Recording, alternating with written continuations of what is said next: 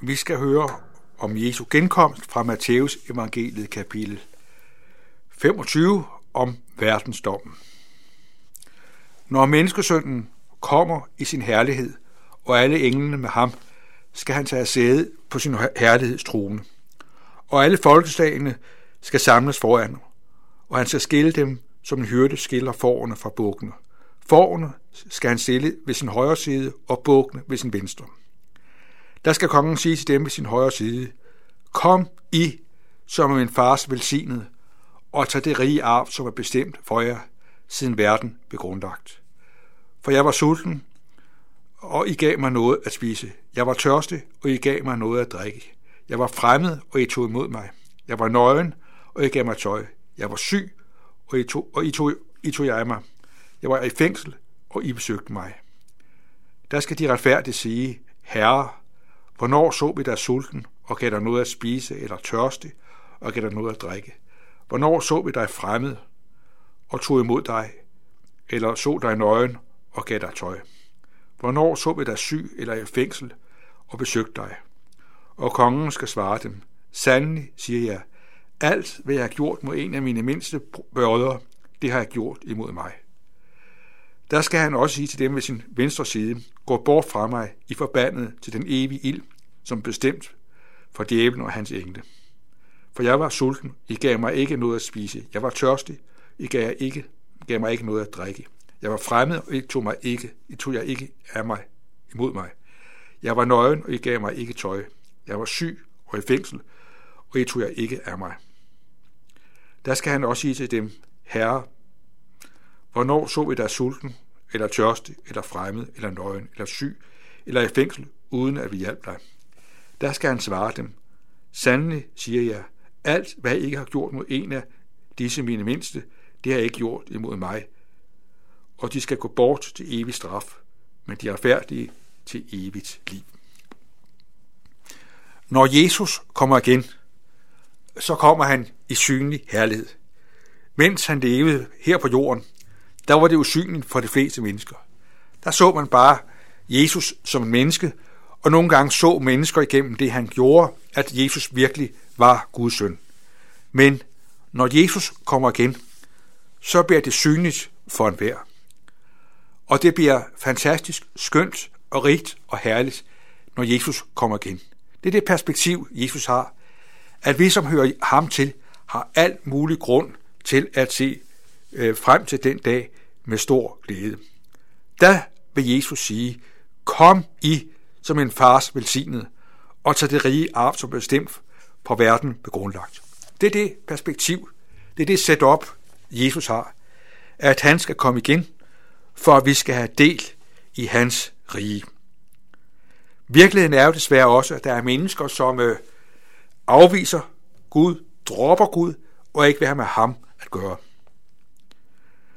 Gud er den, der vil møde hver eneste menneske med kærlighed. Men Guds kærlighed er skruet sådan sammen, at Gud aldrig kan tvinge et menneske ind i hans rige. Det menneske, som fastholder og insisterer på, at ville være Gud for uden, skal få lov til det evigt. Det er den forfærdelige virkelighed. Og her er perspektivet, at fortabelsen ikke er bestemt til mennesker, men som Jesus siger, den er bestemt for djævlen og hans engle. At Guds primære absolute ønske for hvert menneske er, at vi hver især må få plads i hans rige. Vist er det forfærdende og skræmmende at tænke på, at mennesker, som vi har det godt med, mennesker, som vi måske også er familie med, at de fornægter Gud og ikke vil have med Gud at gøre. Det er en smerte, hvor vi synes, det kan være svært. Men kærlighed kan kun modtages i åbenhed og frihed.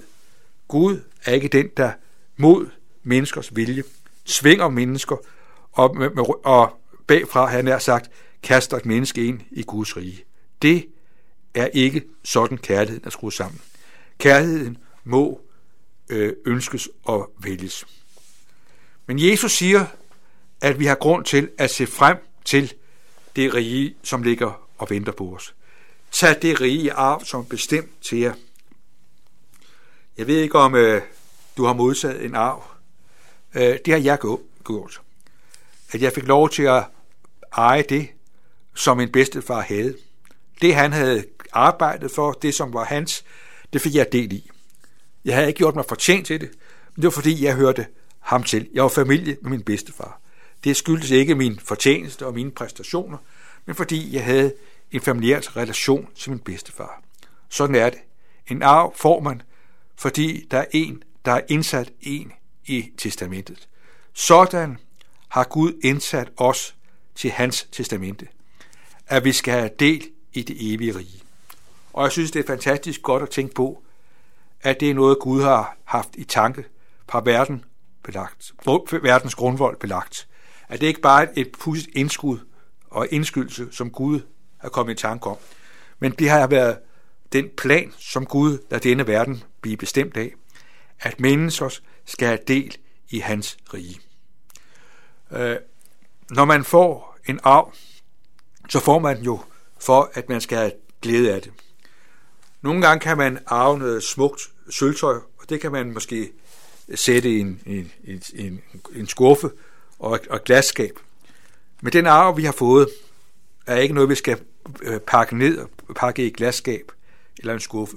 Nej, den arv, vi har fået, den er vi sat til at dele med andre mennesker. Det er det særlige, at den arv, som vi har, Guds nåde og Guds frelse, den forøges, den bliver større, når andre får gavn og glæde af den. Det er ikke sådan, at man har en smuk lysestage, hvor man gør alt for at passe på den, så den ikke går i stykker og ikke bliver slidt.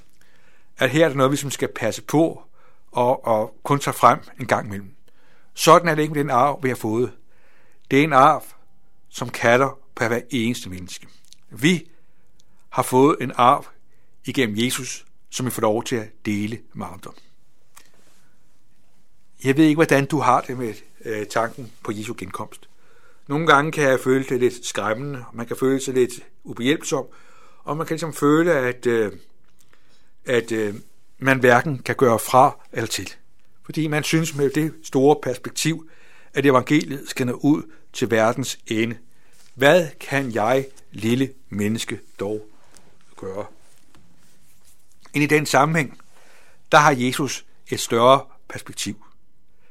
Det Jesus ser med de mennesker, som har taget imod ham, det er, at han har virket i dem. At de har virket, hans nåde har virket i dem. Det er ikke noget, de selv har haft syn for. Det er ikke sådan, at de har taget sig sammen og gjort sig, gjort sig store anstrengelser, haft en dagsorden, som var synlig, som alle skulle se. Men det, at de levede sammen med Jesus, det satte spor. Eller det, som Paulus taler om, åndens frugt. At der var en vækst, der var et liv i disse menneskers liv, fordi de levede med Jesus. Og det, som jeg synes også er bemærkelsesværdigt, det er, at det Jesus så, det var noget, som var enkelt og nemt og ikke særlig besværligt. Hvor svært er det lige at tage et glas vand? Hvor svært er det lige at besøge en, der er i fængsel? Hvor svært er det lige at give en, der har brug for en skjorte, en skjorte? Det, som de mennesker her gjorde, det var noget, de kunne gøre uafhængig af uddannelse, stilling, status og køn. Det var heller ikke afgørende af, hvilken etnisk baggrund de havde, men det, der var afgørende, det var, at Gud virkede i dem. Og det synes jeg, det viser noget om det at være kristen. Det kan godt være, at du og jeg synes, at vi øh, ikke gør den store forskel, at vi øh, kommer til kort både på den ene og den anden måde. Men i Guds perspektiv er det anderledes. At det er det afgørende, at vi ser perspektivet, at Gud ser noget stort og væsentligt i, at du og jeg lever med ham og for ham. Hvis vi tænker på den første kristne menighed, der var det jo sådan, at øh, i løbet af 300 år, så nåede evangeliet ud til hele det store, mægtige Romerige. Hvorfor, øh, hvorfor gjorde det det? Det gjorde det, fordi Gud velsignede disse kristne mennesker, som i deres liv og hverdag levede med Jesus. De havde så at sige en trospraksis. Det vil sige, at de i deres liv var optaget af at gøre godt elsk din næste som dig selv. At det var mennesker, der var til stede og nærværende over for de mennesker, de levede blandt. Og det var med til at formidle evangeliet. At Gud ved sin ånd gennem det mennesker gjorde, der blev mennesker stillet over for Guds nåde og Guds godhed. At her så de noget mere end menneskers godhed og omsorg. Det så de, og det erfarede de. Men de så først og fremmest Guds virkelighed, Guds magt igennem disse menneskers liv. Og det synes jeg, det kaster et fantastisk perspektiv over dit og mit liv. At du og jeg i min hverdag er sat til at gøre godt med de evner og de muligheder, du har fået. Du er jo skabt af Gud. Ingen kan alt. Gud forventer ikke, at vi skal være superkristen, der lykkes i alt. Men Gud har sat os til at være lys og salt i denne verden. Fordi vi lever med ham. Og her er det vigtigt, at vi ser, at det har en stor betydning, at du og jeg lever som kristne i det liv og den hverdag, vi er sat i plant. At her vil Gud lade sin vækst lykkes.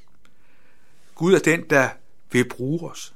Han bruger os, fordi han sætter os blandt mennesker, som er skabt af Gud, som er elsket af Gud, og som Gud har en vision om, må få del i den evige frelse. De mennesker, der fornægtede Gud, de havde sig selv nok. Hele deres horisont var fokuseret på dem selv. De havde ikke syn for andre end sig selv. At øh, de øh, havde slet ikke hjerte for de mennesker, de levede blandt. Og derfor var de fuldstændig forblændet af, at de selv var sat til at gøre en forskel og gøre noget for de andre. Det er mennesker, som fornægter Gud og ikke vil vide af Gud og lever sig selv nok, vil en gang i al fremtid og evighed gå evigt fortabt. Men sådan har Gud aldrig ønsket, det skal være. Guds dagsorden er, at du skal få del i Guds velsignelse. Kom i og tag øh, det rige i arv, som er bestemt for verdens grundvold. Tænk, at Gud ser os som sine velsignede. At Gud ser os ikke som de perfekte, men der, hvor vi lever i troen, der er vi under Guds velsignelse. Der står om Abraham i Galaterbrevet, at Abraham, troens far, at alle, øh, alle tror, alle har del i den velsignelse, Abraham havde, fordi vi har troen. At Gud er den, der giver os del i sin velsignelse. Og det gør, at du og jeg frimodet kan se frem til, at Jesus kommer igen. At tanken på Jesu genkomst er ment fra Jesus side som en kald i glæde og frimodighed. Tænk, du får lov til at leve hver dag i tillid til Jesus og vide, at han vil dig, og han vil bruge dig over for de mennesker, du er sat blandt. Tænk, at du og jeg er sat som lys og salt i denne verden. Lys og salt har det til fælles, at de har en funktion, de har en opgave, og lyset og saltet virker altid i modsætning af mørket og det, der er i forholdelse. Sådan er vi sat til at leve i den modsætning, at lyset og saltet skal gøre sin gerning. Må Gud velsigne dig og mig til at leve under den velsignelse, vi ejer igennem Jesus. Amen. Himmelske Far, vi takker dig for dit, din nåde og din velsignelse. Tak fordi du kommer igen i synlig herlighed. Tak fordi vi får lov til at erfare, at du virker i os skrøbelige og svage kristne. Tak fordi at du ikke forventer, os, forventer af os, at vi er fuldkomne. Men tak fordi du er den, der vil bruge os. Tak fordi du sætter os blandt mennesker, for at din nåde må nå ud til mange mennesker. Vi beder derfor for de mennesker, vi lever blandt. Vi beder om, at øh, vi må have en god, sund, sand, kristen trospraksis, hvor det, du siger, er afgørende i vores liv. Og så beder vi om, at du må lægge din velsignelse ind, og vi beder om, at den arv, som vi har fået, må blive andre mennesker til del. Vi beder dig for dit riges arbejde både ude og hjemme. Amen.